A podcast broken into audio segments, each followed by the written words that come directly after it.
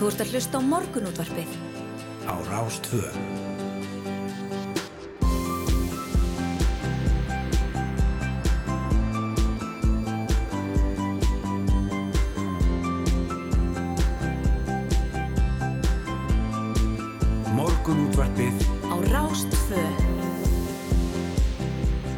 Jón komum dag á Rás 2. Það er morgun útarpið sem hilsar og að þessu sinni er það Hulda Geistóttir og Felix Bergson sem ætla að vera með ykkur í dag til klukkan nýju. Já, góðan daginn ágætu hlustendur. Og það er margt og uh, svona alls konar bara í, í, á dagskrá hjá okkur eins og við, uh, það er nú bara eiginlega þannig alla daga, þetta er allt í bland uh, samfélagsmálefni, fréttir, skemmtun og, og menning í Já. bland. Auðvitað. Og í dag ætlum við meðal annars að fá góða gesti utan að landi. Við erum svo heppin að, að, að við fáum til okkar hana Arniði Jóhannsdóttur. Hún er talsmaður markastofa landslutana en ferðakaupstöð stefnan mannamót eh, fer fram í dag og þetta er fjölmennasti viðburður í íslenskri ferðarþjónustu.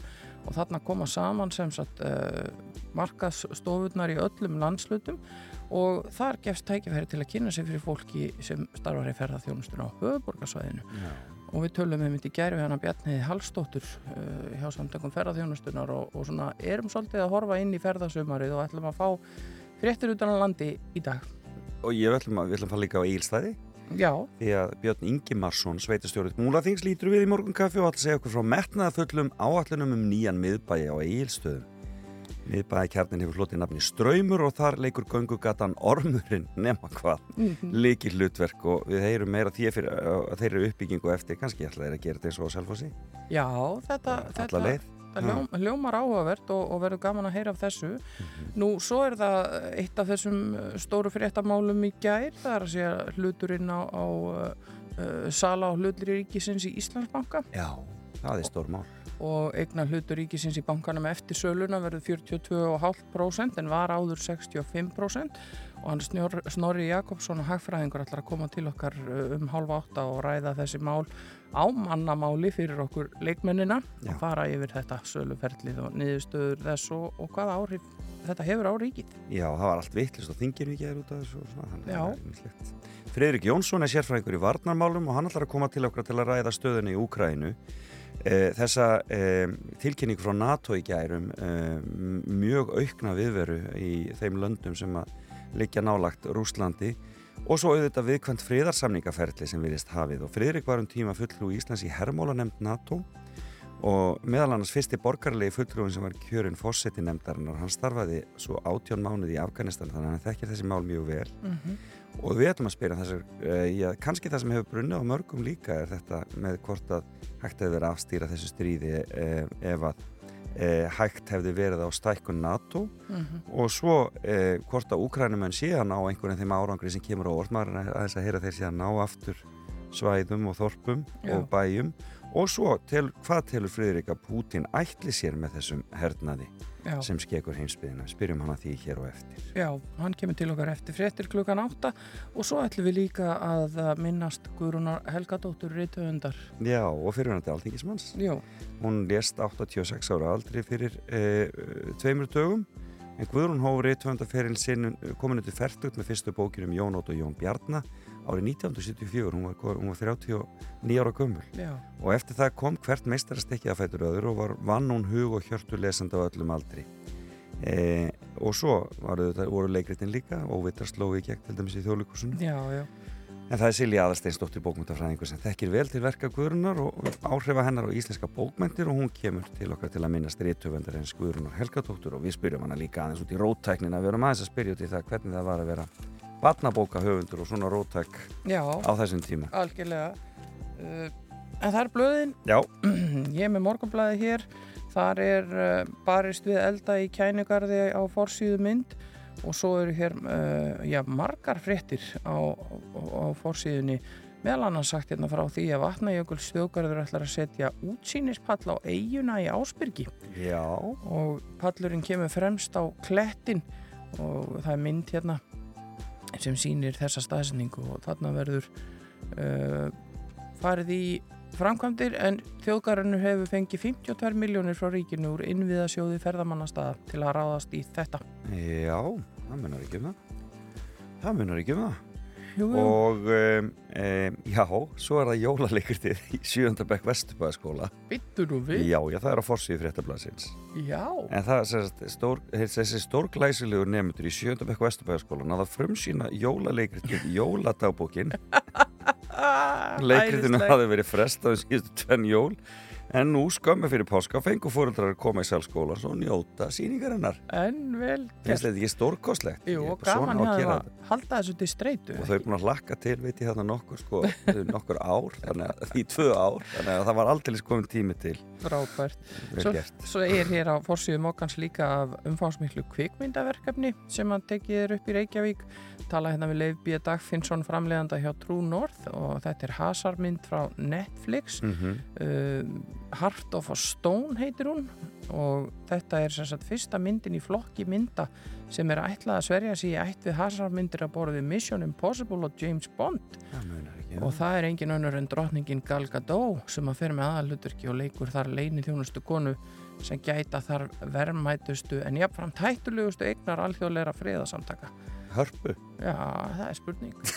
Og Gal Gadot er auðvitað leikonan sem að eh, hefur, hún hefur meðal annars leikið Wonder Woman. já, já einmitt, þú ert svo inn í þessum hasa Já, segðu. ha, þú ert alveg komin í gallan ferði í gallan á kvöldin Já, ég sef í Wonder Woman búningi.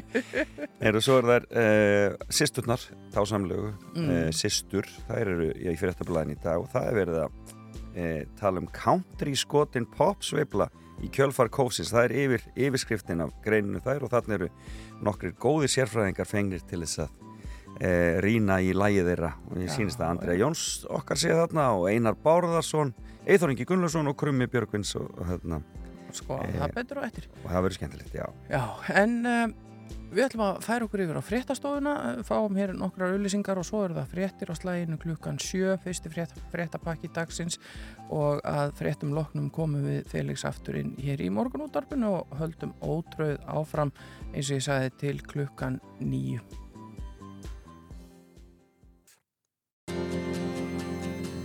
Þú ert að hlusta á morgunútvarpið. á Rástvö.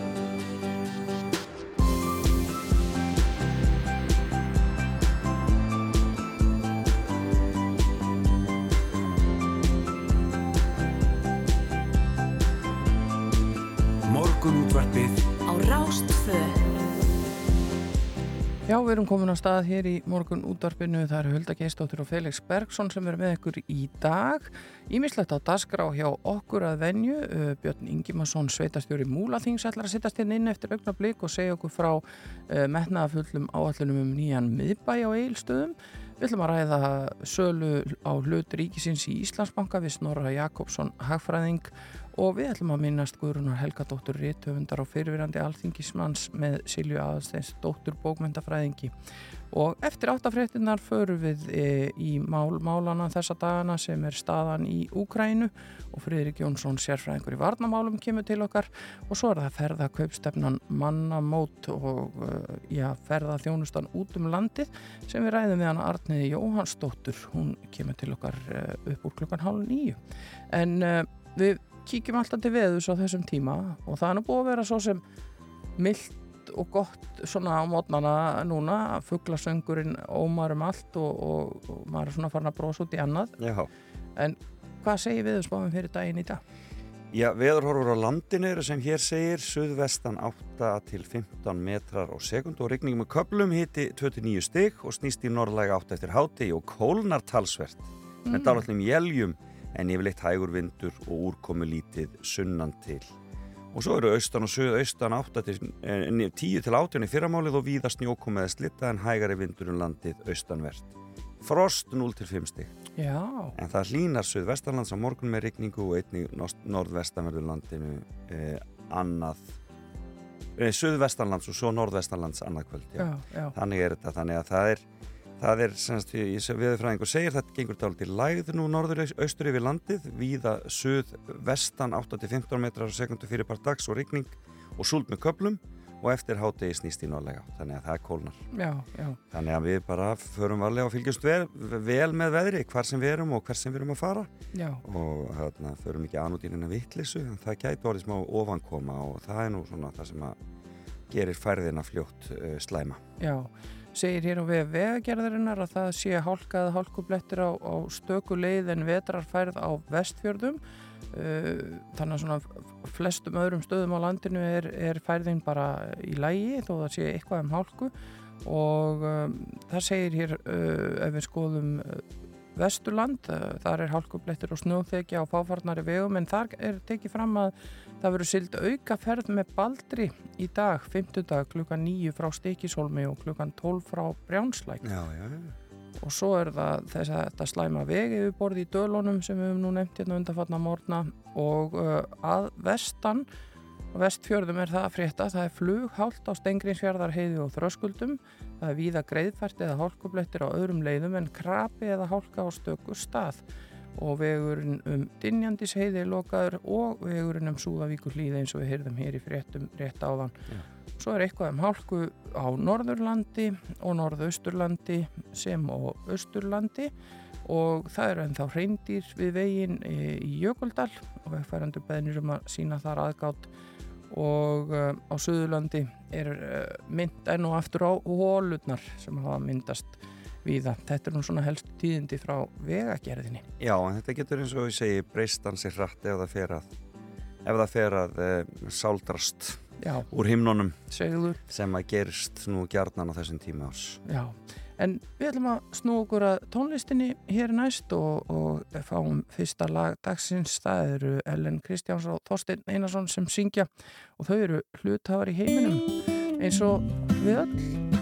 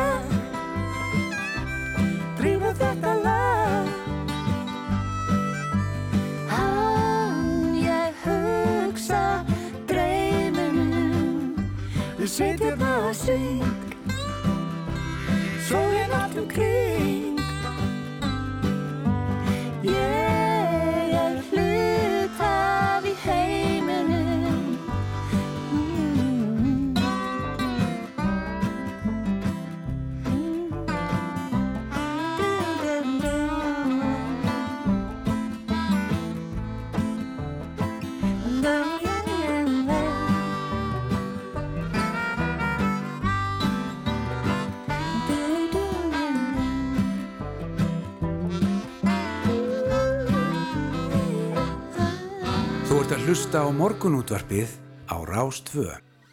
Jú, jú, við erum uh, eins og við sögðum áðan auðvitað kíkjum alltaf aðeins í blöðin á mótnana og, og við vorum með uh, fréttablaðið og mokkan hérna og svo glimti ég bara að það væri bændablaðstagur í dag. Þetta er alltaf bara skandal. Já, já þetta, er, þetta er, ég bara veit ekki hvert ég á að fara, skilur, ég er svo nextlar á þessu. En það er hérna frétta, fórstíða fréttablaðsins um fótboltan uh, og uh, hva, hversu miklu ríkið hefur varið, uh, hvað fjárhæðum ríkið hefur varið til knaspunustarfs uh, á COVID-tímum. Já, En uh, þetta er svona að koma fram í ásreikningum félagana uh, og uh, en það er aðeins ía sem greinir frá því hversu mikið ríkistyrk félag, ríkistyrk félagi fekk en það fekk um 30 miljónu krónar ríkistyrk Mm. En öll íþróttufélög gáttu sótt um styrk en COVID-lokana og uh, flest, flest félög færa þessa fjármunundir aðrar tekjur og því er ekki hægt að sjá nákvæmlega hversu mikið ríki setti í vasagnarsbundeilda á síðasta ári. En ljóst er að stærri félög á höfurbækarsvæðinu fengu stærri sneið á kökunni en skagamenn. Þannig að það er greinlegt að það hafa farið einhverjir, tugir og eða hundruði miljóna til, e, til íþróttafélagana, til knarspundustarfsins þannig að þetta já. er, þetta er áhugavert mál og svo er náttúrulega er mikið að fjalla um Íslandsbanka hér á Fossíu fréttablasins já. og þessa sölu Þetta er eitt af stóru fréttamálunum. og við En- ætlum að taka það hér á eftir Jú, jú, en bændablaðið er auðvitað þygt og áhugavert að venju kemur út hálsmánaðarlega og, og uh, hér á fórsíðu er skemmtileg mynd af henni Höllu Sif Svansdóttur. Hölludóttur, hún er þrítugur garðirkjunemi sem festi kaup á garðirkjustöðunni gróðuri á hverabakka við flúðir á sínu fyrsta ári námi. Mm það er nú bara vel gert, segi ég. Og svo er verið að tala hérna svolítið mikið um uh, já, framtíðar stefnumörkun bændasamtakana uh, því að það er miklar breytingar uh, hjá bændasamtökunum Mhm. og, og búna að þing er framundan um mánaðamótin og um, hér segir formaði bændasamtaka Íslands að það sé gríðarlega mikilvægt að hafa þá á hreinu hvert við erum að fara og menn séu samstíga. Það er hann Gunnar Þorkinsson sem segir þetta og það eru allskins stór málu þetta sem eru þar undir. Það er þetta með já, matalaframlýsluna meðal annars í landinu. Já, Eh, Bændur leika nú ekkert lítið hlutverk þar mm og, og fæðu öryggi og, og svona sóknarfæri í landbúnaði. Þannig að það er margt að, að ræða og fullt af pælingum í blaðinu sem er hægt að skoða betur en uh, við ætlum að fá annan lag áður en að við spjöllum við hann uh, Björn Ingimarsson og uh, ræðum nýjan miðbæ á Egilstöðum og hér næst er það Sofía Björg og Krummi sem að syngja fyrir okkur. höldum okkur í countryinu sko. Já, við erum bara svolítið þar. Við erum bara það eins og þið segja fréttblæðin í dag bara countryið er komið til að vera sko. Þetta er Bonafide.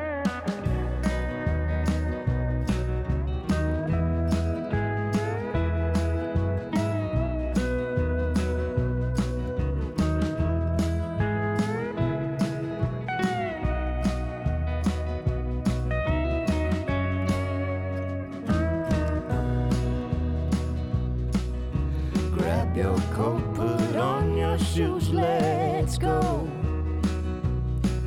Come on now, baby, come get lost with me. My hand in your hand, what more could we want? Every part of me craves your company. Gonna have fun tonight,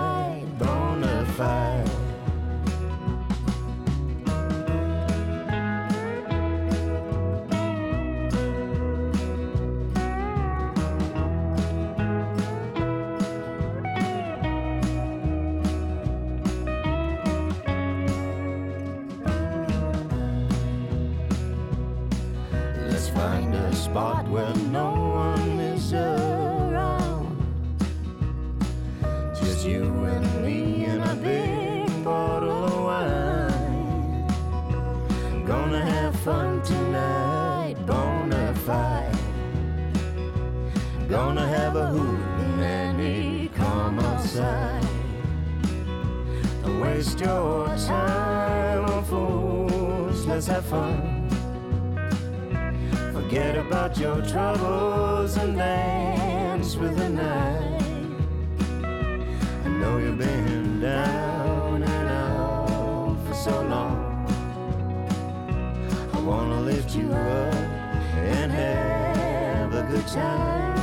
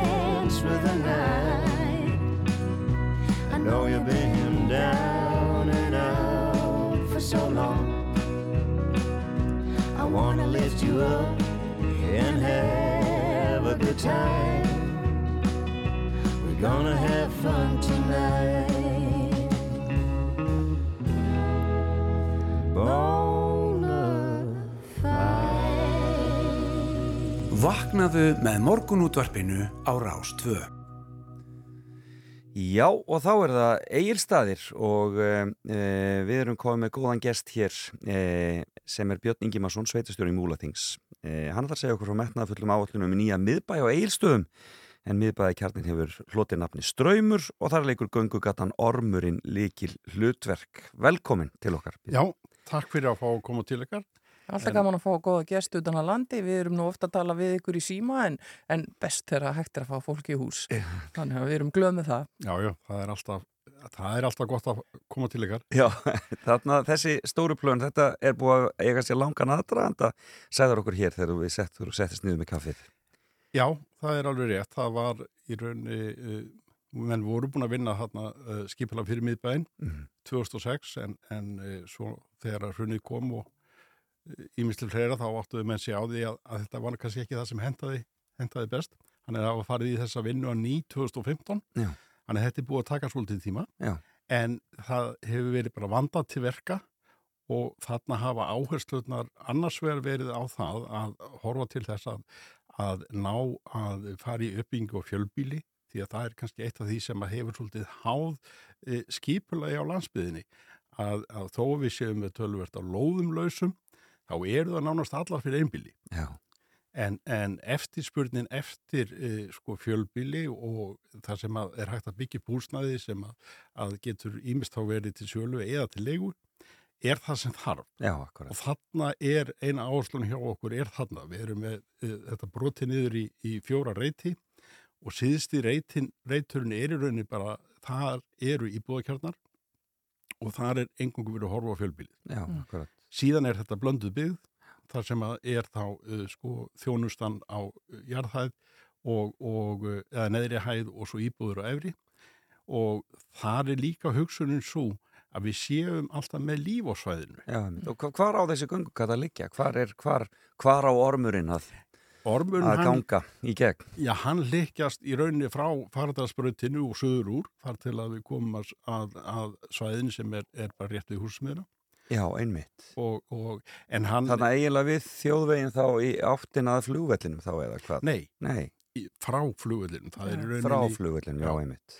og síðan er þetta svona samspil annars vegar sko er þetta e, íbúðabygg, e, þetta er þjónust og verslunhúsnaði, en þetta er líka verið að horfa á, á samtalið við, sko hann er gert ráð fyrir samkomurímum úti Já. og það er líka samtal eh, sko náttúru og umhverfis þannig að, að, að en, en þetta sem við erum að horfa til með það að við erum að blanda íbúðabyðinu ofan í þjónustuna eða þjónustunni inn í íbúðabyðina Já. er það að þetta verði alltaf í rauninni sko lifandi.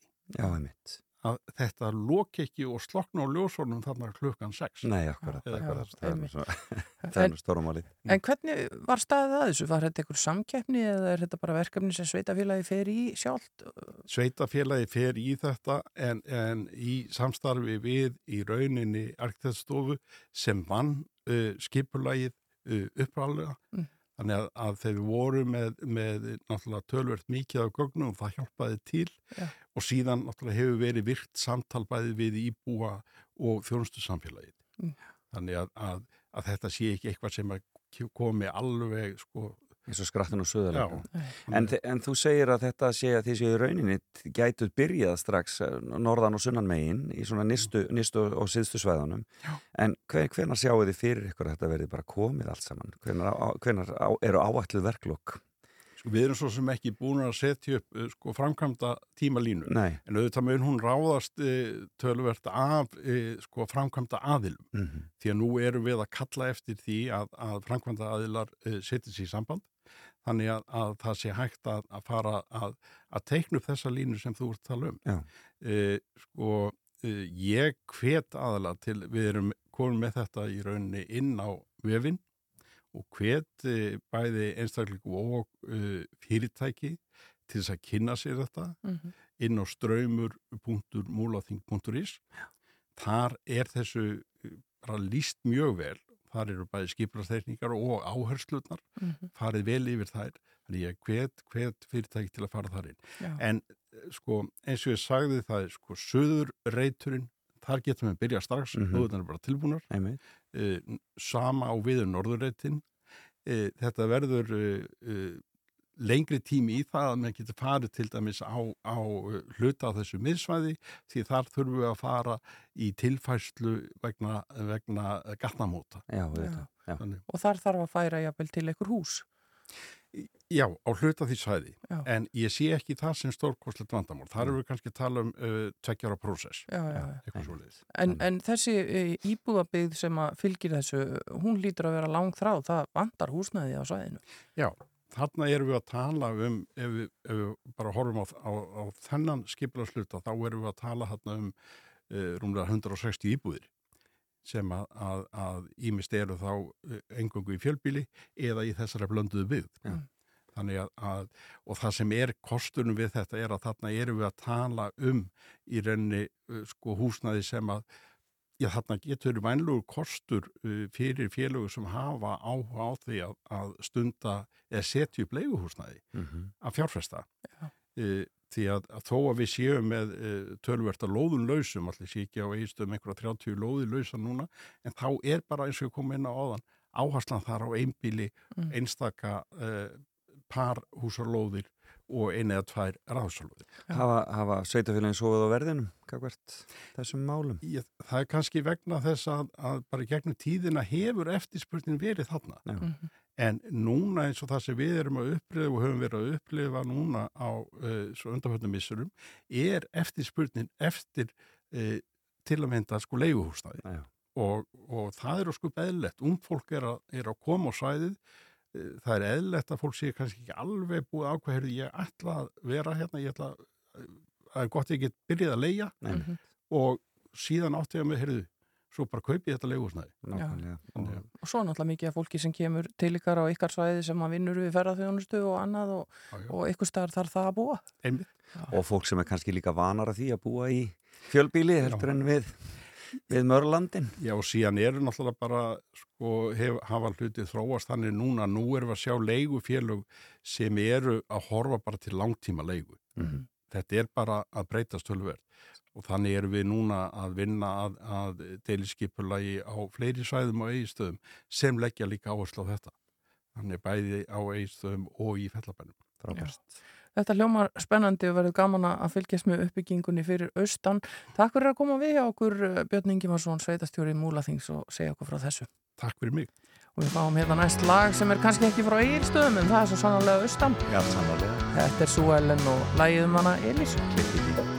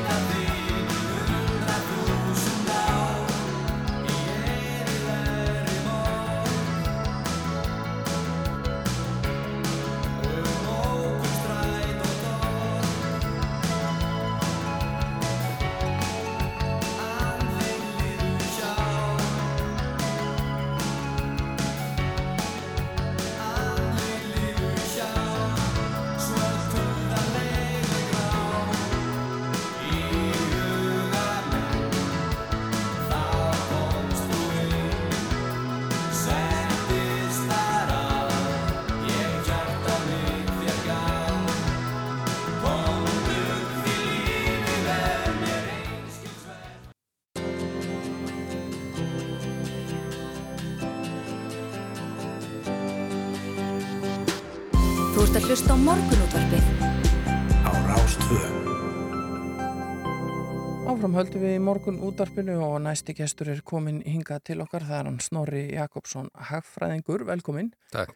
Við ætlum að ræða, já, eitt af þessum stóru fréttamálum í gær. Það er að segja uh, sala á hlutur ríkisins í Íslandsbanka og eignar hlutur ríkisins í bankanum eftir söluna verður 42,5% en var áður 65% og við ætlum svona að fara eins yfir þetta og þú lofaður okkur að gera það á mannamáli því það eru þetta fullt af fólki bara eins og ég og fólk þarna úti sem að ég kannski skilur bara ekkit almenlega út af hvað þetta gengur uh, Fór þetta bara fram í skjóli nætur? Af hverju gerist þetta eins og, eins og ríkið gerði þetta? Það- Auglýsa eftir lokun og svo bara er þetta komið Já. í gang morgunin eftir. Sko þetta var, kannski mönnum eins og mér, Já.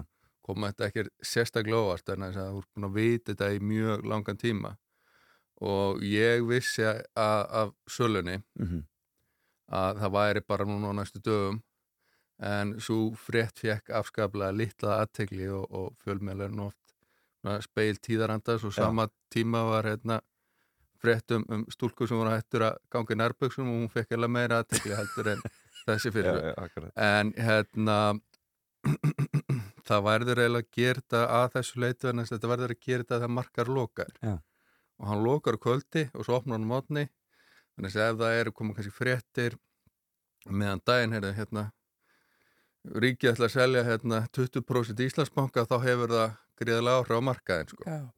svo þetta verður að gera með markaðin loka þess vegna er þetta svona gerist þetta rosalega hratt. En svo náttúrulega má kannski alltaf spyrja sig að mætti hefði mátt kynna þetta betur auglýsta betur. Eins og segi þetta hafði mjög svona það var hérna einhvern mann kynnt í lók vikunar að núna er þetta bara brest á og svo, svo hérna gerist þetta mjög snögt sko. Já, akkurat. Er En, kannski- en hverjir eru það þá sem kaupa í rauninni? E, þetta eru e, ná, Er þetta fagfjárfestar? fag, þetta þessi- það sem kallast fagfjárfestar Já, og þetta eru örgulega mjög stórun hlut að vera í lífur í sjöðunir mhm, uh, þeir verða alltaf fjárfest á hverju ári og þeir eru langtíma fjárfestar og þá hendar þeim svona mjög vel að, að geta fe fengið einhver hlut að brefa á, á föstu verði og ákveðin miklu magni og þá náttúrulega var náttúrulega svona nokkuð ljóst að þeir væru mjög stór hluti að þessum aðalins myndi kaupa. Svo er þetta náttúrulega líka tryggingafélagin og hlutabröðsjóðir já, en þetta er ekkit svona bara venjulegt fólk sem er að, sem er að kaupa í þessu var Mm, það hægt? Það var náttúrulega, fyr- fyrst útbúið var þannig að það Já. var eh, svona venilegt hérna almenningu sem keift en oftast er hugmyndafræðin svo að mann vilja hafa eignar sko haldið dreift en menn vilja ekki vera með of marga smáa fjárfesta verða, vilja vera með svona ákveðna kjölfestu fjárfesta sem eru hérna stórir og hafa sérst, vita á rekstrinum heldur en kannski Jón út í bæ eða- eða hversi það er, hafa Mhm. mm vita á bankarekstri ef við förum aftur í tíman og hérna förum hérna 25 ára aftur í tíman á, og, og, og engavæðingatíman. en, á, Já. svo, Sovjetríkjana sálu að þá var svo leið sem að, að var farin og, og mjög víða og núna erum við að fara enda þá leið sem var farin sko bankakerfið á Norðurlöndun hrundi að stóra hlut á tíunda áratum síðust aldar og við erum að fara svolítið svipað leið og að fara svona 20 árum á Norðurlöndun með þessu, þessu ferli og, fá en, en svona sem var kannski rétt áður en, en það var að þá var engavæðingaferli náttúrulega mjög mikið í allir austur Európu og, og Sovjetríkjunum og þá var svolítið farið svo leið að við allur almenningur bara þið eigi bankan og allir fengur pínulítinn hluti í hérna Mm. að böngunum en þá gerist það að hérna að það fá kannski allir bara rosalega margir, rosalega lítinn hlut og kannski annar gefins eða með mjög miklum afslætti og hérna þá vantar einhverja sem hafa kannski virkilegt vit á stjórnunum og getur svona stjórnunarlega séð og ætlar að halda hérna aðalfunda sem að mæta 400.000 mann sko. Það, það er ekki mikil stjórn á slíku fyrirtæki svo líka er svo sem manna hagfræðilega þú veist að kannski gefa svona mikla fjármunni að þá eigur þetta verðbólguna og svo líka það sem við vitum að gerðist var að til eins og í Sovjetríkjónum og þá var mikil fátækt á þessum tíma reyndar uh, í þessum löndum og, og hérna þá eiginlegt voru svona ungi menn ástræðendur sem að vissi alveg um hvert dröfunlegt verðmætt eignana var og það var svolítið þannig að, að hérna eh, þannig eru kannski ólíkarkarnir til að þeir keiftu bara hérna, herru, ég skal kaupa þetta á þig á, hérna, smá yfirverði. Eitthvað sem að hérna, ég skal kaupa þetta á á, á 12.000 krónur og, og hérna og, en raunverulegt varmætti var kannski 30.000 Já. og svo keifti þið svona þá til þeir áttu kannski ráðandi hlut í, í, í fyrirtækinu sem var kannski 30.000 og fengið þessi að lána hjá fyrirtækinu sjálfu. Já, og þannig allt í hennu En það er ekki það sem er að gerast hér. Nei, það er ekki það sem er að gerast Nei, hér. þetta- En að því hún nefnir afslátt að þá var það mikið í umræðin í gær að, að þarna væri uh, bara afsláttur Mhm. og enn og aftur segi ég sem leikmaður í þessu máli uh, ef það er mikil eftirspurn ykkur, þá akkur þarf að selja það með afslætti? Það er náttúrulega mjög góð spurning og hérna það er náttúrulega best að að bankasýslan svari fyrir það Já, en almennt get ég sagt að þetta er svona venjan. Og þetta er það sem alltaf er gert það er að selja stóra, stóra hluti. Og svo líka það að, að svona annar raukstunning sem líklega mun nota þetta er ekki fyrir hvers sem er. Þú veist að þrengja þess kaupendahópin það er svona færri sem henda kannski. Og oft og eins og segir ríki hefur líklega fyrir ekki að vilja fá hérna fagfjárfesta og einhverja langtíma fjárfesta þú vilt ekki selja kannski einhverjum eignarhaldsfélögum sem eru mjög skuldsettir og eru þá mjög áhættu sæknir eigendur uh, einhverjum, þú veist Þannig er þá hreinlega valið sem sagt í rauninni þegar að, þessu kemur. Er, já, einhverju leiti þetta? vali, já þú veist, oft er kannski skilir eignarhaldstími verður eitt að tvö ár Já. og þú verður eigið þetta í, í peningum, þú mátt ekki taka lán fyrir þessu Nei, Mm. Þannig að við viljum ekki að, að stjórnendur sem eignast bankana eiga er raun og eru kaupa hérna fyrir 10 miljardar eða 50 miljardar eiga bara 5 miljardar sko já. og þá er, er mjög líklegt að hérna, þeir taki, vilja taka mjög miklu áhætt í rekstrinu sem að þér erum eins og kannski svolítið gerist í bankarhörnunu sko. En sko nú, nú sér maður strax einmitt, það er þessi umræðum afsláttin en svo um leið og markaður opna þá ríkur verðgildi bankans upp Já, eh, eða hvað? Var þetta, var þetta, var þetta hækkun það- sem að hérna, var það, einhver, kom, einhver, það kom mér svo lítið á óvart venna þess að, að hérna þegar þú ert að selja svona stónu hluta þá ertu að, auka frambóði alveg gríðarlega mikið. Mhm. svo að að það er svona komið svona smá, smáði svo óvart en móti kannski kemur að ég held að verðbankan sé mínum að svona frekar hagstætt. Og hérna og ef þú keftir til mig í þessum viðskiptabönkunum fyrir svona 3-4 viku síðan þessum dæmi að þá fegstu bara strax 9% af kauparinn tilbaka. Svo þú keftir fyrir 100 ást þá fegstu bara 9% strax tilbaka ekki ennum margreislu já, um, já. En, en hvað þýðir þetta fyrir ríkið að, að selja þetta? Hvað áhrif hefur það? þetta náttúrulega þýðir náttúrulega að- að- að burn some money. Það er Já. bara svolítið svo leiðis Já, þetta er náttúrulega alltaf valið um skiluru ég er náttúrulega COVID kostaði sitt og, og, og svo líka ég meina það er nú eiginlega afskaplega fá ríki sem að eins 80-70% bankakernur í Íslandi sko ósmæklegu samburður Norður Kóra og Venezuela fyrir utan Norður Kóra og Venezuela en það var leitandi að einhverjum öðrum ríkjum sko. Eh, þetta þýði það átt að eða peningun með að byggja upp landsbytala eða eiga banka. Eh, það, það, þetta er alltaf svolítið valið um, um það það er alltaf spurning hvort að arðurinn á bankana nægir til þess að byggja upp þennan já, sama landsbyggðina.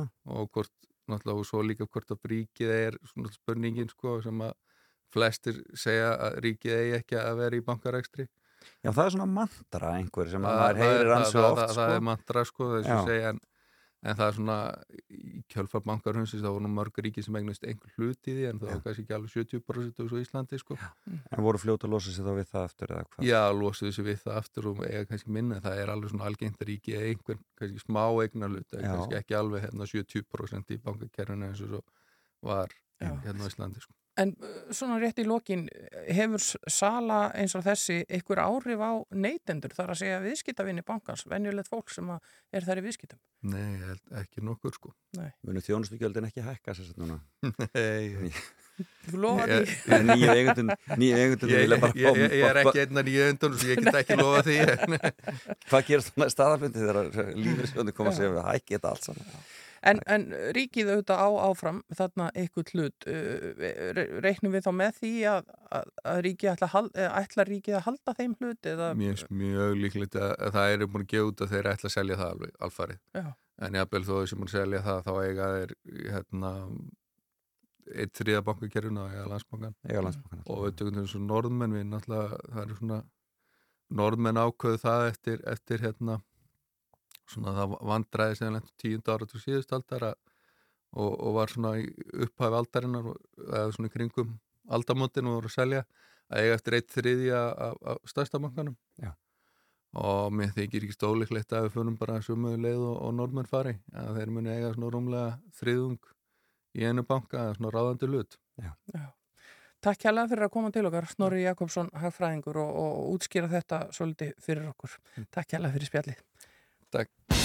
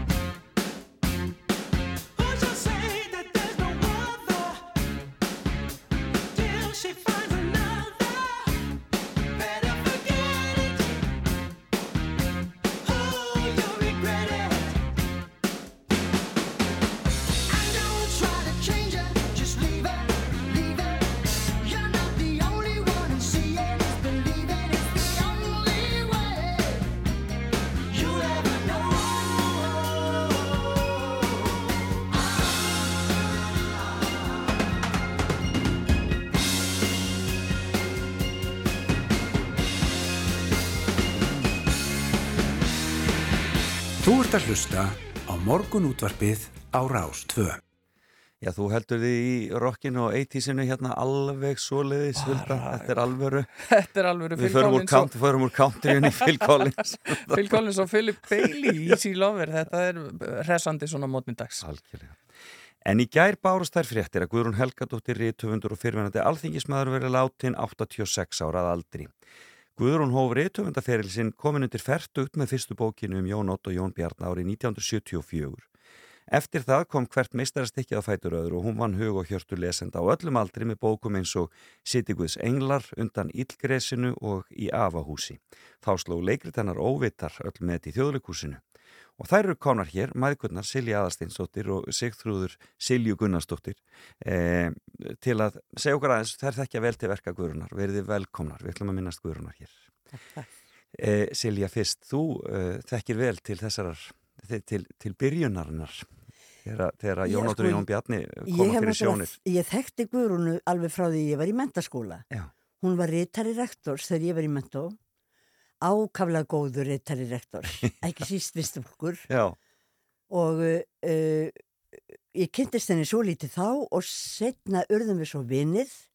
Sverrir bóndi hennar var bekkjabróði minn í háskólanum og uh, það var heilmikill samgangur milli heimilana. Já. Byggum ekki langt hvort frá annari og, og meðal annars þá passaði hún oft eldri dóttur mína Sif já, og uh, mér er það ennþá minnistætt uh, einn morgun sent á árinu 73 að Sif kom heim eftir að hafa verið nótt í geislu, barnageislu hjá Guðrúnu að hún var alveg hugfangin.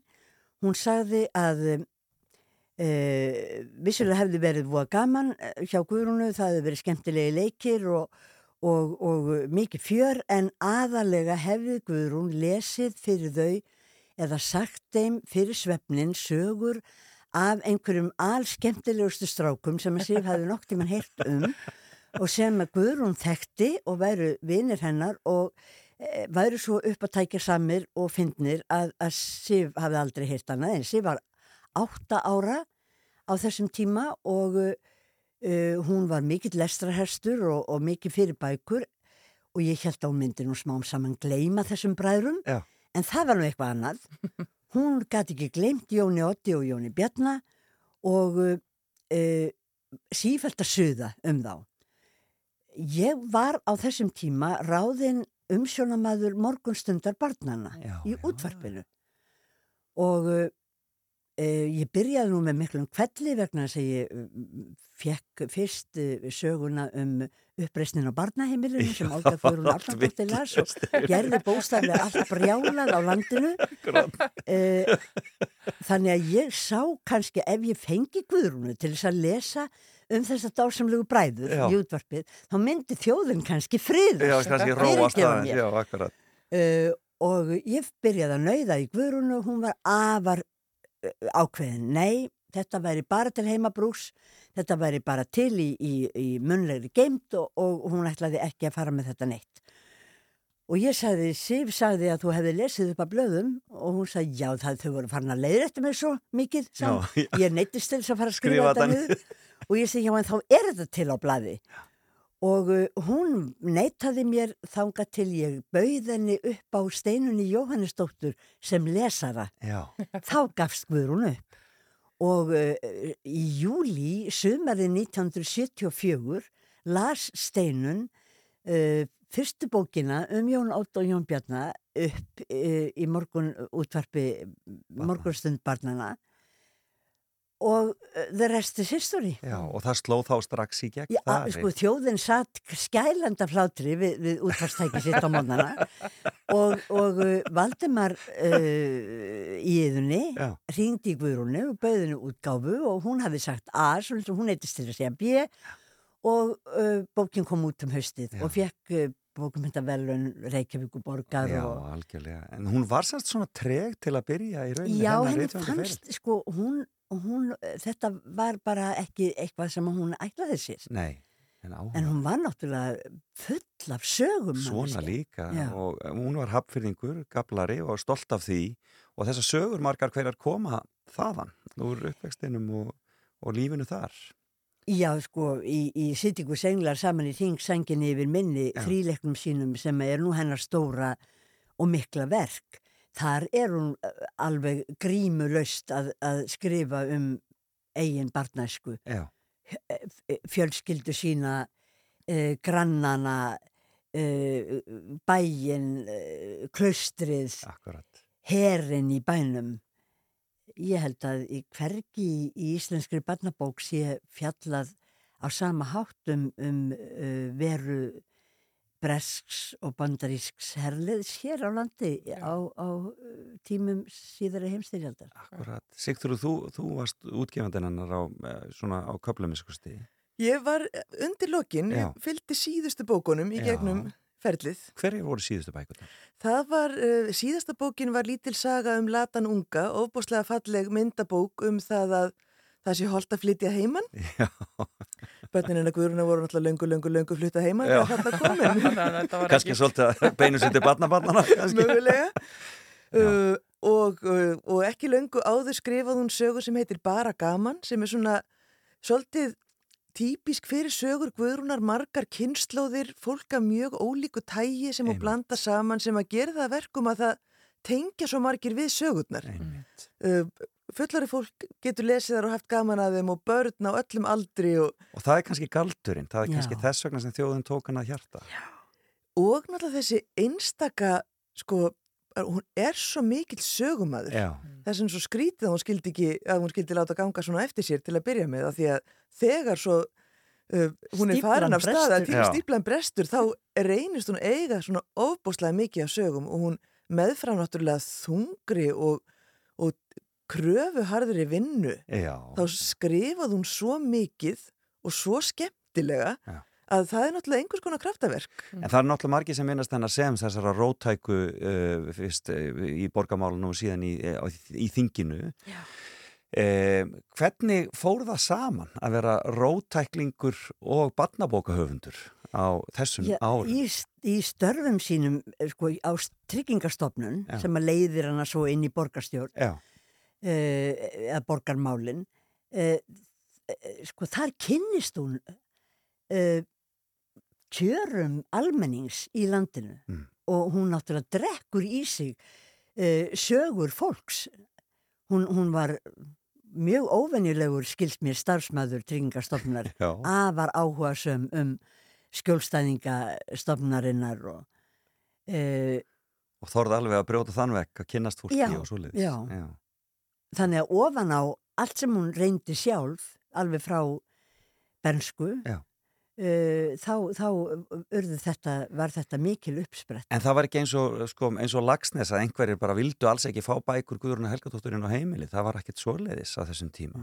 Hún, nefnilega, hún braut alla múra þar. Já, og ég man þetta mörgum sögum af fólki sem að sko var virkilegir andstæðingar hennar og, og hennar flokks pólitíst uh, en, en algjör aðdáundir bókana og kiftu þær fyrir börn og barnabörn. Nákvæmlega, ég og heyrði... hún einhvern veginn, hún bara uh, sko bækundin hennar voru það góðar að það var ekkit hægt að standa mótið þeim þó þú værir sjálfstæðismæður Nákvæmlega, já, ég heyrði þetta einmitt í gerð, einhvers að ég var alltaf ósamann í pólitík en rosalega fannst mér bækuna skemmtilega. Já, en hún líka hafði svo gott lag á að flétta hinn rótæka, oft rótæka boðskap inn í svo skemmtilega frásögn og hún var svo fyndin. Já, það var líka það, hún var svo mikill humoristi og, Já. svo, og, og það kom stundum fram í pólitíkin líka eða hvað. Hún, var, hún, var, hún hafði svo gott vald á íslensku máli. Hún gatt, gatt skreitt mál sitt svo ljúflega og skemmtilega. Það Var, hún, var alveg einstök þar Já. og stíllinn alltaf svona léttur og, og hún gatt komið langri, ótrúlega langri sögu inn í örstuttan texta. Já, akkurat. Uh, sagt langa sögu ég, ég rifjaði upp í gær uh, þegar, þegar heiða í Sittingus Englar segir okkur frá því að afennar hafi slasast illa orðið fyrir vinnuslýsi og, uh, og hún segir en og við vorum öll svo leið að því að afi hafði verið svo lifandi og skemmtilegur og stór og sterkur maður. Við vorum öll leið nema amma af því að henni fannst afi hafa verið alltaf mikið hjá önnu í brekkunni. En eftir að, eftir að afi slasaðist þá vildi Anna í brekkunni ekki sjá hann. Sko í ein tveim Þetta er þá segir hún langa harmsögu Nákvæmlega, nákvæmlega, þetta er alveg briljant. Munu, munu, munu minning Guðrúnar Helgadóttur lifa í verkum Já. um og það er engin spurning engin spurning Við getum örglega að tala um hana hérna í allan dag. Já, Þetta er dásamlegu upprýðun um, um uh, góða konu og eftirminnilega. En tíminn er flóin frá okkur því miður. Takk fyrir að- koma við hjá okkur í morgunútarpinu Silja Aðstendóttir og Sigþrúður Silju Gunnarsdóttir og, og, og rifja upp aðeins eh, verk Guðrunar Helgadóttir. Blessu sér minning hennar. Takk fyrir að koma. Fyrir okkur. Og við ætlum að færa okkur yfir á fréttastofuna. Það Já. eru fréttir núna klukkan átta og svo tökum við fyrir Úkrænumálin að fréttum loknum. Þú ert að hlusta á morgunútvarpið. Á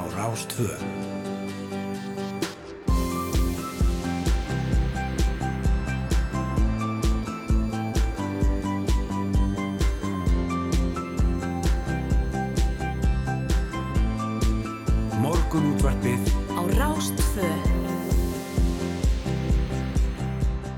Það voru fréttir að baki og við höldum áfram hér í morgunútarpinu. Það eru Hulda Geistóttir og Felix Bergson sem að eru á vaktinni hér í dag og uh, við ætlum að halda áfram að, rýna í þau mál sem að vera hæst um þessar mundir og það eru þetta uh, fyrst og fremst stríðsreksturinn í Úgrænu.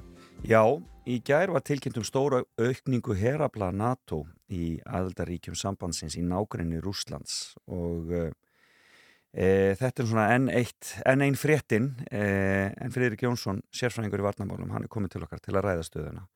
Og þessi nýju skrif NATO og svo viðkvæmt friðarsamningaferli sem nú virðist hafið og svo auðvitað mikil fundarhöld sem framöndan er. En Friðrik var um tíma fulltrú Íslands í hermálanemnd NATO og fyrsti borgaralegi fulltrúin sem kjörum var í, sem fórseti nefndarinnar og starfaði svo átjón mánuði í Afganistan. Þannig að þú þekkir þessi mál vel, velkomin Friðrik. Takk fyrir það. E, já, svona fyrst, sko, þessi nýju skref hjá NATO, hvað, hvað er að gerast eiginlega? Er NATO komin í stríðið eða? Nei, en uh, það sem er verið að gera er að ebla varnirnar á, á hérna uh, í austurhuta bandalagsins og það má segja að það sé verið með ákvörunu sem að svona forkynntar í gær fyrir leitofafundi núna í morgunsárið. E, þar er verið að setja í raun og veru kjöt á bein uh, ákvarðan sem höfðu verið teknar áður. uh, það sem er í Eistrasaldsríkjónum í Pólandi hefur verið kallað sem sagt, EFP, Enhanced Forward Presence. Því fylgdi að það voru herfylgi á staðnum, Mm -hmm. mönnuð herfylgi á staðnum e, með svona nokkurn veginn varanlegri viðveru. Í þeim löndum sem var verið að tilkynna núnum að bæta við, þar hefur verið til fyrirbæri sem kallað er Tailored Forward Pre Presence eða svona sniðin, uh, sniðin framvarsla en þeir fylgdi ekki föst viðvera. Já. Nú er verið að breyta þessu í, í raun og veru það verði þarna herfylgi með fastari viðveru Og það er, þannig að þá te tekur það sömu ásýnd og uh, sami svona umbúnaður eins og hefur verið í Eistrasaltríkjónum og í, í Pólandi. og það er þá Ungverjaland Og Ungarland, Búlgaría? Slóakia, Búlgaria og Rúmenía. Já, er að fá þetta. Já, og Rúmenía, náttúrulega Ungarland og, og Slóakia eru, eru landamæraríki uh, hérna Úkrænu. Þannig að lega og náttúrulega er, er þannig í grendinni líka. Já, en nú er það sem sko, þetta sem hefur verið kastað inn í umræðina og hefur verið því stóra, kannski, höfna, stóra umræðefni kannski eftir silfrið um síðustu helgi var þetta með hvort að hérna, hvort að uh, stækkun NATO væri orsökin fyrir þessu stríði. Er, það, er það rétt? Nei, ég hafna þeirri svo skýringu algjörlega. Já, Það er, hún er, hún er nánast absúrt og hún er í raun og veru ekkit annað heldur en afsökun fyrir ofbeldi. Þetta er svona, þetta er svona, hún hefði gætt að klæða sig svona eggjandi vörn uh, og hérna, og er bara, ég, segi það bara úr mínum dýstu hjartaróttum, þetta er ósmekklegt Mm. og hérna, uh, svo er einnig annar vinkill á þessu, það er svolítið sérkynlegt að heyra þá sem eru hér svona, svona slettin á þýskunni, svona Putin versters uh, og tala fjálglega og frjálslega um fullveldi og sjálfsákurinn rétt Úkrænu eins og hann sé eitthvað sem sé til sölu Já. eða til, eh, eða til e, gjaldskipta e, komandi frá landi eins og Íslandi sem er lítið, herlust og á allt sitt undir því að alþjóða kerfið, lagakerfið og samfélagið virki eins og auðlist og, og að okkar fullveldi og sjálfstæði sé virt. Þetta er nánast eins og, uh, já við snúum þessu upp, notum þá absúrt dæmi. Eh, geti þá ekki alveg eins verið ætlunin hér að við myndum ringja alltaf til Kaupmannahafnar eða Oslo og spurja um leifi áður en við tækjum einhverjar meiri háttar eða ég vil minni háttar ákvarðanir í utræksmálum af því að einu sinni tilurðu við Kaupmannahafn Já. þar á undan Oslo, að jáfnvel, hvernig var þetta með Kalmanveldi þetta þá ringi í Stokkólm eða? Þetta, er, þetta er þetta er svona sveigjartan uh, uh, raukvæsla Já. og það er ekki þetta að segja neitt annað. Það verður að taka á henni uh, með bara alvöru bundum hætti og vísa henni frá uh, hérna, án afsakana En með þessum aukna herabla og þessum aukna liðstyrk þarna í, í Londonum sem nálgast Rússland, er, er hætt á því að, að NATO fara að dragast inn í þetta stríð? það er búið að vera hætt á því alveg frá upphafi Já.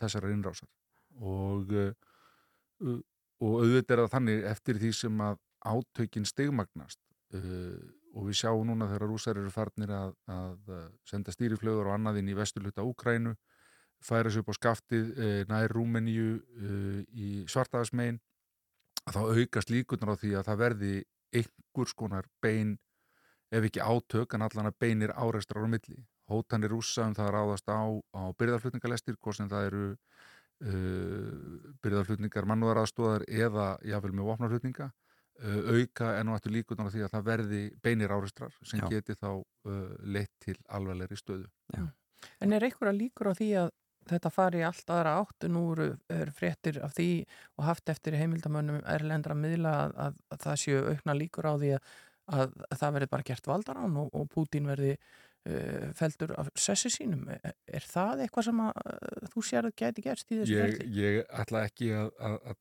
að velta mikið vungum því ég, það er náttúrulega draumsýn held ég flest allra.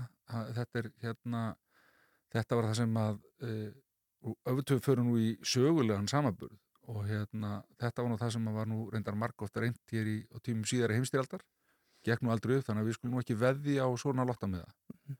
Uh, gott ef satt væri en, en það er bara gett að ganga út á slíku. Já, akkurat. Hvert... Verna, verna að, veist, í, í, í yfir 20 ára valdatíð þá er er Putin náttúrulega búin að reynsa burtu allar mögulegar mótmælega rattir myndum að gera ráð fyrir. Þannig að með ekkert nema jámenn í kringu sig og áherslu á menn Mm. þannig að, að hérna Mm. ég hef ekki mikla trú á því en, en við skulum alveg eins og, eins og alltaf þá hefur alltaf að halda í vonun um það að eitthvað jákvæmt gerir sem að muni stöða þennan hrylling Já, þá er það spurning með friðar, við, friðar umleitanir. Er þær, er þær á leiðin eitthvað eða er, er bara Putin bara alls ekki treystandi? sko, segið það sama við höfum alltaf að vona Mm Eh, en uh, það er vandséð að þessar viðræður sé að fara fram í góðri trú það, að það sé í raun og veru ákveði sjónaspil uh, það sem búið er að tala um að rússars mögulega vilji, vilji sækja og úkrænumenn sem tilbúin að gefa það er, og ég hef búin að nefna það í nokkru sinni, það, það er vandséð hvað það er að breyta í raun og veru stöðunni frá því fyrir, uh, fyrir innrás. Uh, að því að rússar réðu í reynd uh, Donetsk og Luhansk og, og, og hluta Donbass og voru náttúrulega búin að taka í Grímska spurningin er fyrir, er gæti Úkraina felt sig við að uh, hafa spó, þá spórgangu um það að viðurkenna þessa yfirtöku raun og veru láta frá sér landsvæði til Rússlands í skiptum fyrir frið Mhm. er þá alþjóða samfélagi tilbúið til þess að viðurkenna þetta uh, mundi því fylgja uh, landtakan á milli Krímskaga og Rússlands uh, á suðuströnd Úkrænu við Einmitt. sem gerir þá uh, Azov hafa rúsnesku innhafi uh, og verður þá ekki lengur að, að hluta alþjóðlega tassvæði sem skiptir á milli tekja ríkja. Ég, ég veit ekki, það, getur, það er friður dýri verið keftur en gæti verið, verið þess verði fyrir Úkrænu uh, og jafnvel náttúrulega fyrir rúsa líka þetta gengur ekki eins vel og þeir uh, höfðu ætla sér. Og við fáum núna líka fyrir eftir að því að það séu uh, það sé verið að Úkrænumunum gangi eitthvað betur við kif séu jafnvel að íta aftur innrásarhernum, hann sé að færast aftur frá borginni meðan að og það er svona eða, eða rætt að tala um þannig að það gangi einna best hjá rússum þarna á söður svæðunum Já. innrásarherin frá Krím inn í söður Úkrænu í áttin að Rúslandi það hafi verið í raun og veru best undirbúni búnu mönnuðu og, og sveit, sveitir, sveitir þeirra Þannig að það sé þá í raunverulega markmið Pútins að ná sagt, Odessu og Mariupol og þessum, þessu svæði þarna uh, Já, sko, ef hann fyrir til Odessa sem er hérna vestanmegin við Krímska Já, það það, er í áttina, það er á- í áttina Rúmeníu. Já, ok. Og svo er að sjálfsög eru, eru í spílunum eru náttúruauðlindir á, á botni, botni svartahafsins og líklega Jasua hafi líka og að þú lokar þá ef hann tekur Odessa og niður til Rúmeníu þar að segja nær allir í strandlengjunni frá, frá Rúmeníu til Rúslands og Krímskaði þar með að þá er Úkræn orðið landljótt ríki og, og þá aftur orðið mun háðara hérna Rúslandi varandi aðföng og annað. Og, og missi, missir aðganga af hafinu þannig að ég, ég veit ekki, það er, það er spurning hvað er Úkrænumenn tilbúin að setja sig við, hvað eru uh, hérna, rússar tilbúin að setja sig við en rússar eru búin að sína það að þeir verða samninga að vettu í Já, einmitt.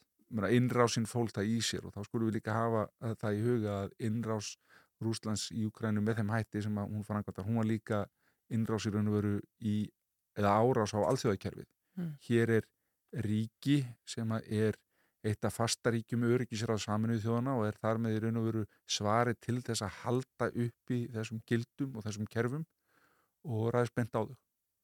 Og þannig að, að, þetta, er, þetta er ekki góð stað og gefur ekki tilefni raun og veru til þess að treysta uh, samningum þeirra. Þeirra var ekki virt minnsk, minnsk samkomlagi eftir sem gert þetta í 2014 í raun og veru hann alltaf ekki virt uh, samkomlega frá 94 uh, hérna, kent við Búkarest um það að, að þegar að úkrænumenn hérna, afvopnu uh, af kjarnavopnum þá lofuðu rúsar því að þeir myndu virða fullveldi og sjálfstæði Úkrænu innan þáverandi landamæra Já, og núverandi landamæra einmitt.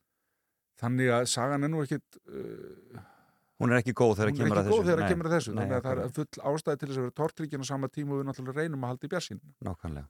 Og, og aðtilsast að sjá að þetta séu Ísraelsmenn og Tyrkir sem er að, að reyna að leiða þarna einhverja millikvöng En nú er, nú er verið að funda, uh, það er mik mikil fundahöld í dag, NATO, Evrópasambandið, G7 já, og uh, náttúrulega Biden og, og Selenski ávarpar þetta allt saman og, verður, verður mikil, verða miklu fréttir í dag.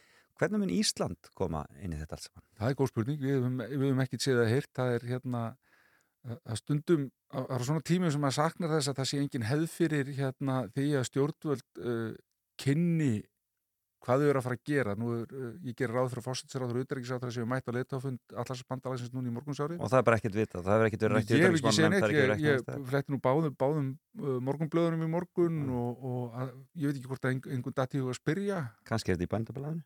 Já, Það kom í morgun. Það kemur ekki á orð. Já, en, en, en hérna, þú veist, við höfum einhvern veginn enga hefð fyrir því fyrir svona, að, fyrir svona meiri áttar fundi að, að, að, að hérna, hér sé sest niður með, með fjölmjölum og setja allrætt, nú er, nú er hérna, nú eru fórsættisráður og utrækisáður að fara á, á, á þennan alltfjölega fund, hér eru þau megin hérna, eh, sjónarmið sem við munum hérna halda fram og kynna. Eh, það er verið á NATO-fundunum er verið að fara að kynna eins og við heyrðum frá Stoltenberg í gær. Þessa aukningu í stuðningi er, eh, hvað, hvað þarf Ísland að leggja til? Já. er hérna e, við höfum verið með til dæmis borgarlega fulltrúa í Eistræsalsríkjónum ætlum við að, að, að gera eitthvað slíkt í sama í, í, í þessum sveitum? Já.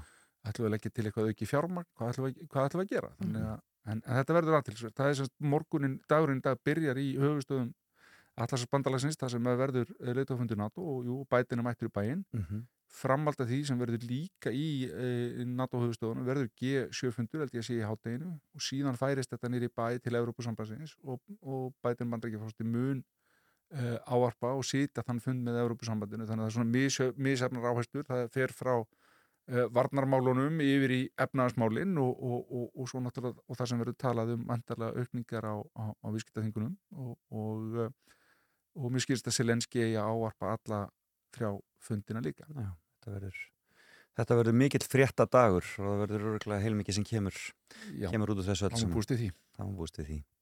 Friðrik Jónsson, erum við ekki bara hann góð? Jú, þetta er, eh, það er svo margar hliðar á þessu máli og, og endalast þetta að tala um það og við földum áfram að fylgjast með í dag og eins og segir uh, áhugaverðir fundir framöndan og, og, og nú að frétta. Kæra þakki fyrir komuna og við endum þetta sjálfsögðu á djúran. Þeir tilenguðu, var ekki Ordinary World, sagður? Í- Þeir, það voru, þeir voru tónleikum síðustu helgi og tilenguðu Ordinary World eh, hérna á Ukrænu Já, og þannig svona bóðskapur í því lægi sem er þá ágætlega viðandi. við skulum hlusta á það. Kæra þakki fyrir komuna. Takk fyrir mig.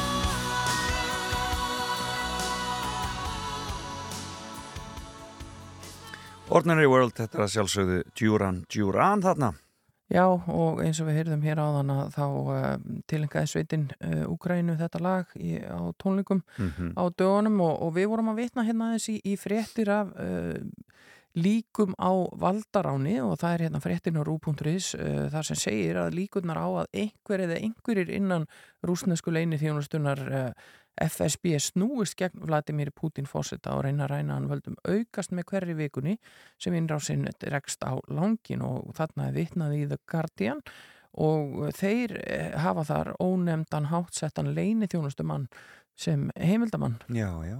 Og hann segir mikla upplausn og óanægi hafa grafið um sig innan þjónustunar í ljósið þess hvítla gangi að ná þeim markmiðum sem að Pútín hafi sett í upphafi allugunar og hafa nafnlaus bref verið byrt á netinu skrifuð af greinanda innan leini þjónustunar til útlæga andásmannsins Vladimirs Osenchin stopnanda mannréttinda hópsins gulagu.net Já, og já, og hann talar hérna líka við The Times og, og uh, þetta er auðvitað áhættu samt að, að, byrta eitthvað slíkt eða að skrifa en tilskrifin séu augljóst merki um vaksandi reyði í garð Pútins og óanægi með þau áhrif sem að viðskipta þinganir í Vesturlanda hafa á starfsmenn leinithjónustar. Nú er það auðvitað farið að virka Já, það voru náttúrulega þessar fréttir að þessum nána samstagsmanni sem fór núna í vikunni. Eh, og það var, og það var þegar þú segir mér að það hefði verið maðurinn sem var á bakvið bakvið engavæðinguna stóru á tíunda áratögnum í Rúslandi þannig að það er nú svolítið stórt nafn sem að þar fór þannig að, eh, og mun vera komin til Tyrklands. Þannig að þetta verður, það verður átil að sjá hvort að eitthvað er hæft í þessu. Já. en það var önnur stór frétt á alþjóðlega vettvangi núna sem að var eh, fráfall Ad- Madeleine Albright. Já, Uh, og við erum að, við erum að, að sirkja okkar Guðrún Helgadóttur en þarna er nú kona sem er já, tveimar árum yngri heldur en Guðrún 84 ára gömul og hann var átti og setti aldeilis sín spór í heimsöguna. Já, þetta er eina af þessum konum sem við lítum upp til og, og, og hafði gríðarlega áhrif og, og mikil fyrirmynd og, og leðtogi og, og var fætt í, var fætt í, í, Prag eh, og flúði með fóröldu sínum í stríðinu til Já. bandaríkjana og trúði á bandaríska draumin og trúði á frelsið. Mm, eh, og, eh, og eh, þeir sem hafa lesið bækur hennar segja hún sé algjörlega magnaður Já. magnaður, eh, magnaður hugsuður. Það er gaman að- lesa þær. En við ætlum að fara í stutt frétta auðvitað Felix og uh, síðan ætlar hún að setjast inn hjá okkur Arnúðu Jóhansdóttir hún kemur frá Akureyri og við ætlum að forvittnast um ferðaþjónustuna út á landi hér eftir augnablík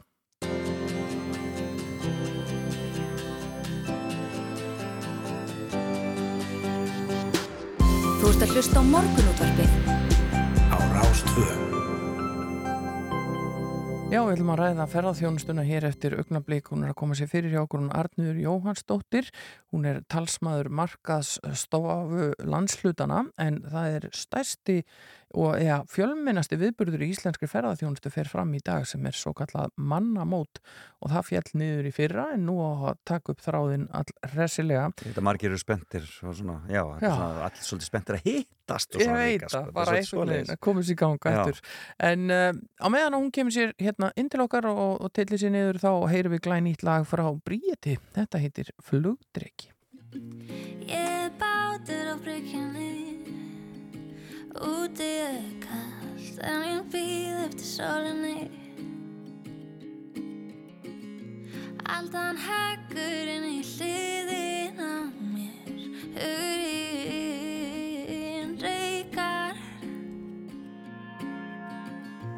Nýra sekkur ekki rið Ég tóða fast, reyni allt til að losa mig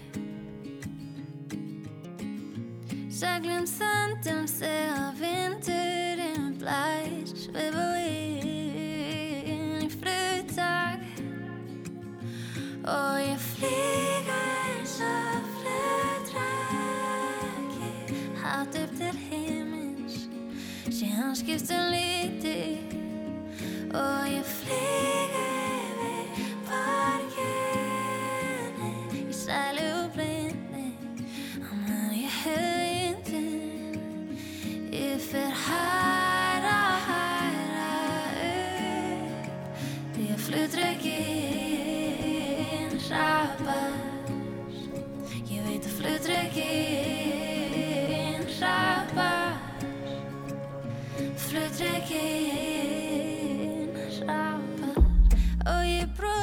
brotlend í portinu Leita til þín þú vilt dregan í loftinu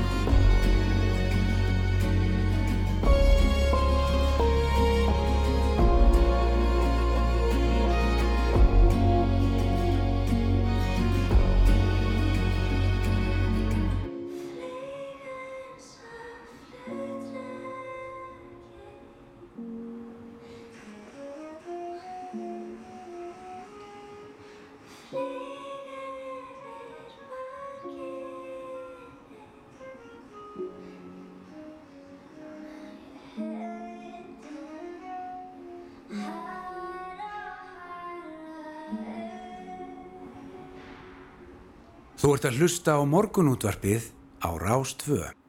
Jú, jú, þetta var hún Bríett með sitt nýjasta lag um uh, flugdregan en við vorum aðeins að tala við hana Bjarniði Hallstóttur í gær um uh, svona ferðasumari framundan og, og hvernig stemmingin væri í þeim geira og við ætlum að halda áfram og svipuðum nótum hér næst. En í dag fer fram ferðakaupstefnan mannamót markaðstofa landslutana og þetta er fjölmunasti viðburður í íslenskri ferðaþjónustu þar sem að samstagsfyrirtæki markaðstofana í öllum landslutum fá tækifæri til þess að kynna sig fyrir fólki í ferðaþjónustu sem starfar á höfuborgarsvæðinu þannig svona verið að- að samina fólk og, og uh, kynna alls konar forvitnilega lutu um allt land Nákvæmlega, nákvæmlega. og hún er komin til okkar, hún Arniði Jóhansdóttir talsmaður markastofana, velkomin Takk. Við erum nú glöð að fá þig í hús, við erum heppin í dag, við fengum gestað austan snemma dags og þig að norðan og, og uh, þið hljótið að vera spennt og, og kátt að geta hist aftur og, og, og saminast í Á dag. mannamóti. Já, bara meiri áttar kátt og spenta því að við þetta gátum ekki haldið svona uh, hátið í fyrra og það, við heldum þetta síðast í janúar 2020 þannig að já, við erum mjög spennt að fá að koma saman aftur og, og erum auðvitað mætt í bæinn uh, Er, er, mikið, er hópur á norðan sem kemur? Já, við erum uh, rétt uh, tefnilega 70 fyrirtæki að norðan Já. sem að koma og svo þetta starfsfólki okkar og Hvað er þetta mörg fyrirtæki sem verða þarna Þetta eru kynnt um þarna? 220 fyrirtæki sem verða kynnt þarna núna. Þetta er svona, eh, við vorum komin upp í svona 270 fyrirtæki fyrir COVID, þannig Já. að maður svona sér aðeins hérna, brot þar úr aðalega vegna þess að fólk hefur bara ekki mannskap til þess að komast af bæ Mm. núna. Og þú meinar að það sé ekki bara vegna þess að margir hafa gefist upp á þessum nei, árum? Nei, það, þetta eru bara fyrirtæki sem eru starfandi en, en bara illa mönnuð en þá Já. og, hérna, get ekki farið frá núna. Mhm. Við erum auðvitað líka yfirleitt í janúar með þessa síningu, frestuðum henni fram í mars vegna COVID, þannig að, að þetta er erfiðari tími líka fyrir fyrirtækin að fara en, en þetta er mjög stórt, eh, 220 fyrirtæki, þetta er bara fullu salur Já. af fólki. En á þriðja hundra fyrirtæki og þá erum við bara að tala um fyrirtæki út á landi, þetta er gríðarlega uh, fjölbreytni og, og, og, og bara mikil umsvið í raun og veru í þessari grein. Já, og við í rauninni leggjum þessa síningu þannig upp að við viljum ná öllum, öllu úrvali fyrirtækjana uh, af öllum landsveitum inn í síninguna. Setjum hana þannig upp að það geti allir komið og séu að sína fjölbreytnina sem er út á landi. Mm. Og uppalega hugmyndin var í rauninni bara svo að, að svona auka þekkinguna um alla þessa nýsköpunum sem að er í búið í ferðarþjónustunni um Mm. allt land. Mm. Af því að það er auðvitað ferðaskrifstofa hér í Reykjavík getur ekki eitt öllum sínum tíma að ferðast í alla landsvita og skoða. Það er miklu auðvitað vissuleiti fyrir okkur að koma hingað og sína okkur öll saman Já. og þá erum við líka bara búa til alls konar hugmyndir að pökkum saman eh, bæði innan landsvita og milli landsvita Já, og, og, við fáum alls konar, bara Já. alls konar verkefni. og það er auðvitað tilgangur með þessu, það er að samina uh, eins og segir, kannski ferðarskristóður hér í höfuborginni og, og svo fyrirtækin út á landi og, og svona fara í eitthvað skona samstarf. Já, akkurat. Og við erum bara, við erum sterkari saman, við Mhm. vitum það og með því að kynna okkur vel fyrir þeir sem eru að starfa hér í höfuborginni, þá selst betur þjónustur okkar út á landi og hún selst betur erlendis líka, þetta tegir sér alveg þanga. Já.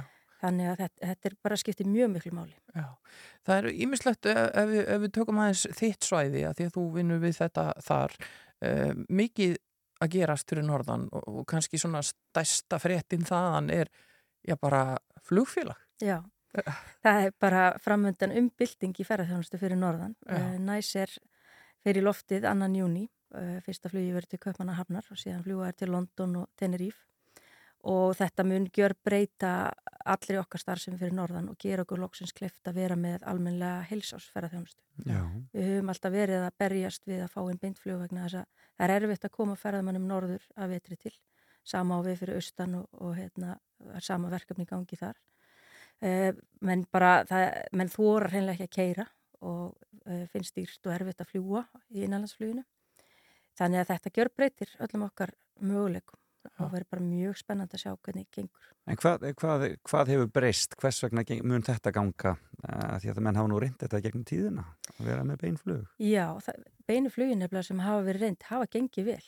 Já. Það er nefnilega svolítið áhugavert að maður fyrir að skoða tölur þar. Uh, við vorum með Iceland Express sem var með mjög góða nýtingu sem var síðan hægt þegar að Váer tók yfir uh, vegna þess að menn vildi fókus á flug frá keflaguflugulli. Það eru þetta ódýrar að reka þetta bara þaðan. Mhm.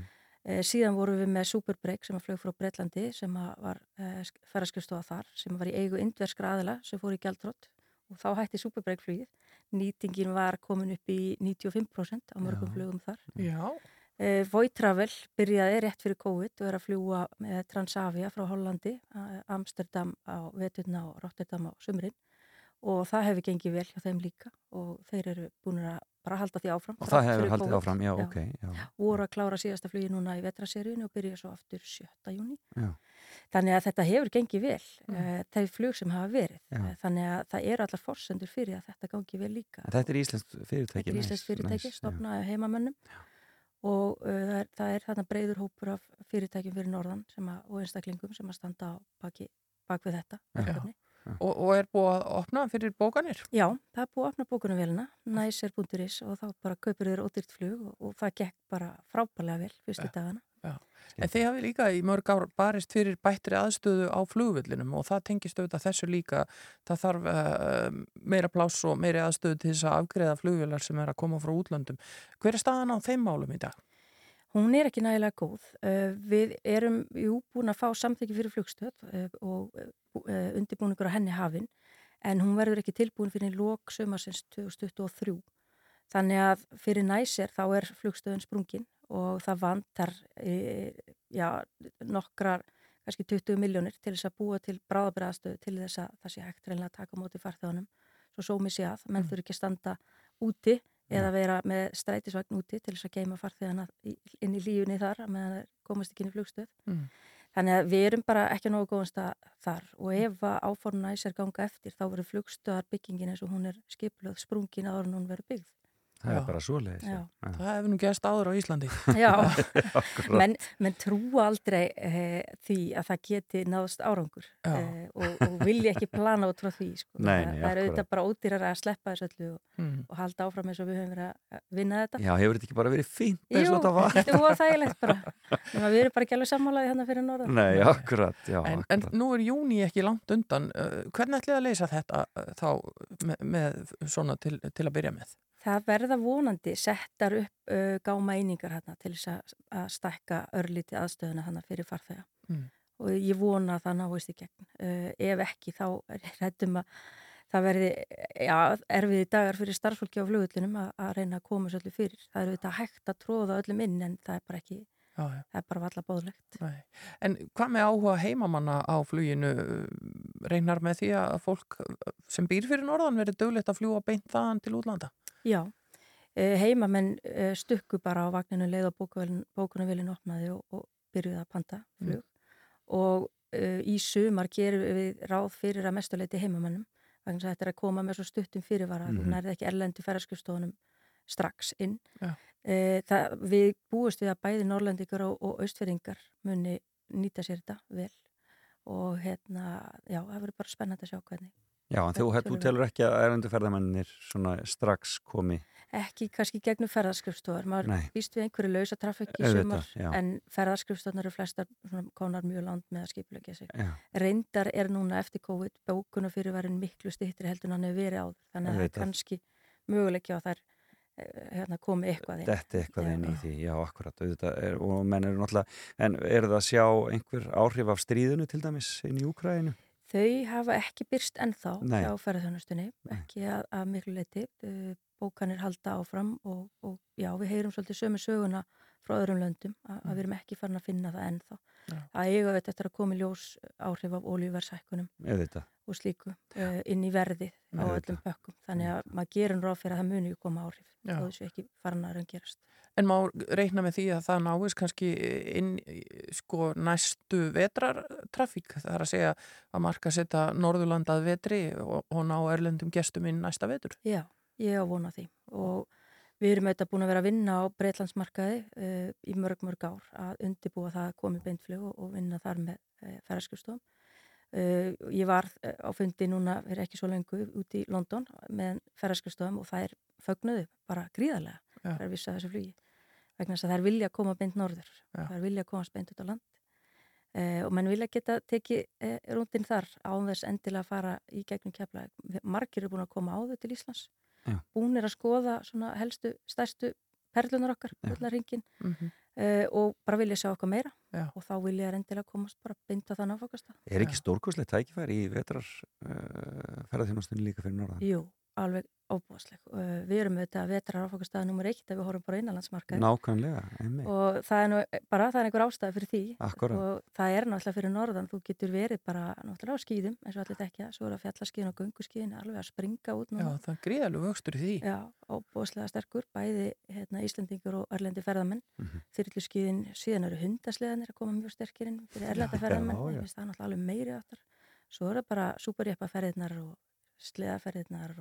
maturinn og böðin, böðin er bara náttúrulega alveg, Já, það er að bætast í það hjá ykkur. já, skóarböðin. Já, hvenær kemur það?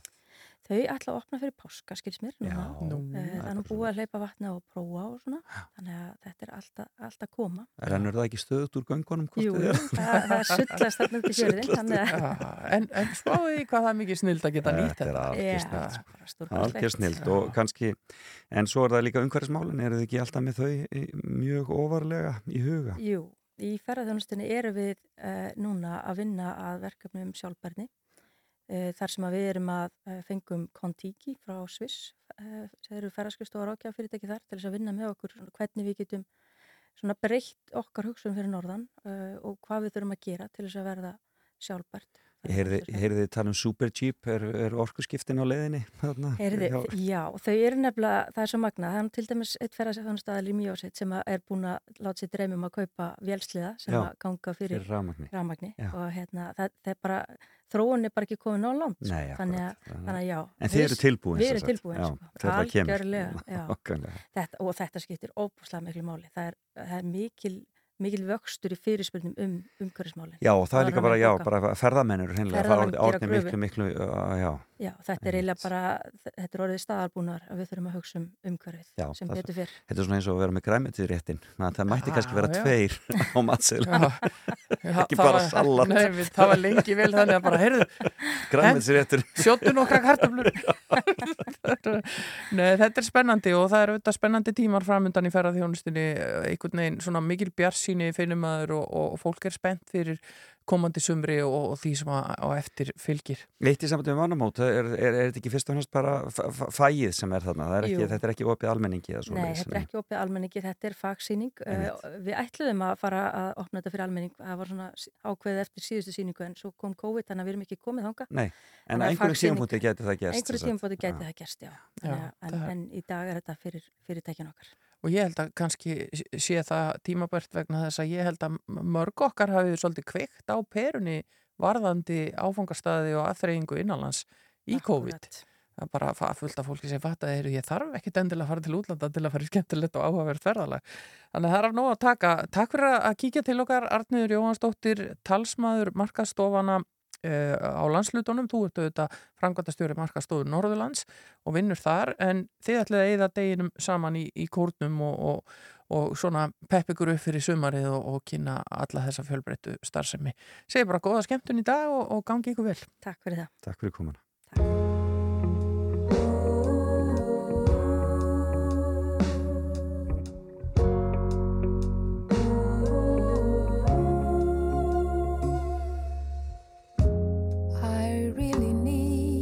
Ask a question. But you have to promise to speak right out. Tell me, do you sometimes feel so alone? And that not a soul in this world has got to know you.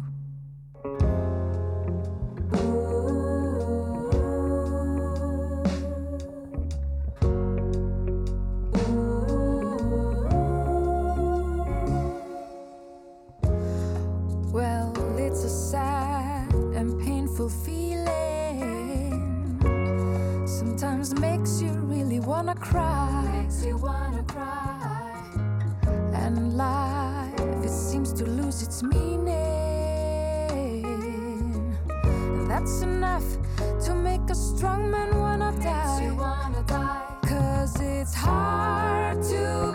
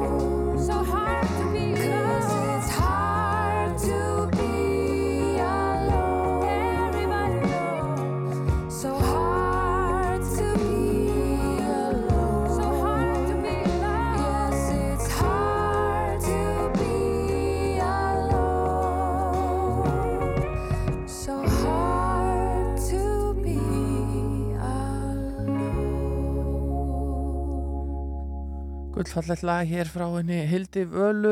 Þetta kom út fyrir skömmu síðan og, og þetta er uh, Perla úr gullakistunans Jóhanns G. Jóhannssonar. Já, dásanlega fallit og vel gert, hún er náttúrulega frábær Já. sönguna, hún heilt var. Það vantar sko ekkit upp á það. og- Vantar ekkert upp á það. Nei, en það komið að lokum hjá okkur elsku Felix, mikið Já, á gaman að hafa þið með í ég morgun útarpinu í sömuleiðis dag. vildi gott að vera með þér og þetta var og frábæri gestir hjá okkur í dag eh, eh, og gott að fá þessa gesti utan að landi, bæði frá Já. Eilstöðum og Akureyri. Virkilega gaman. og eh, við myndumst Guðrún Helgadóttur rættum um Úkrænu og svo var það þetta Salan á Íslandsbanka. Allt saman verður þetta aðgengilegt inn á rú.is eftir smástund.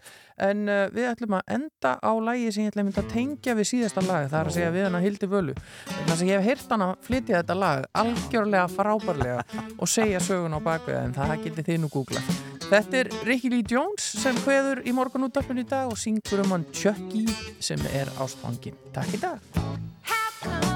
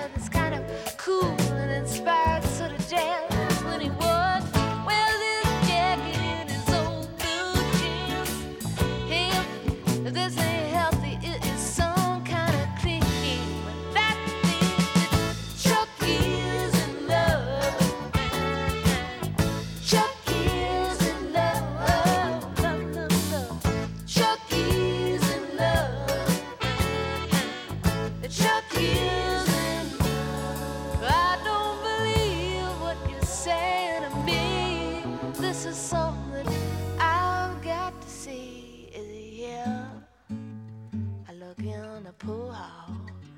Well, is he here? I look in the drugstore. Well, is he here? No, he don't come here no more. Well, I tell you what, I saw him. He was sitting behind us down at the penitentiary.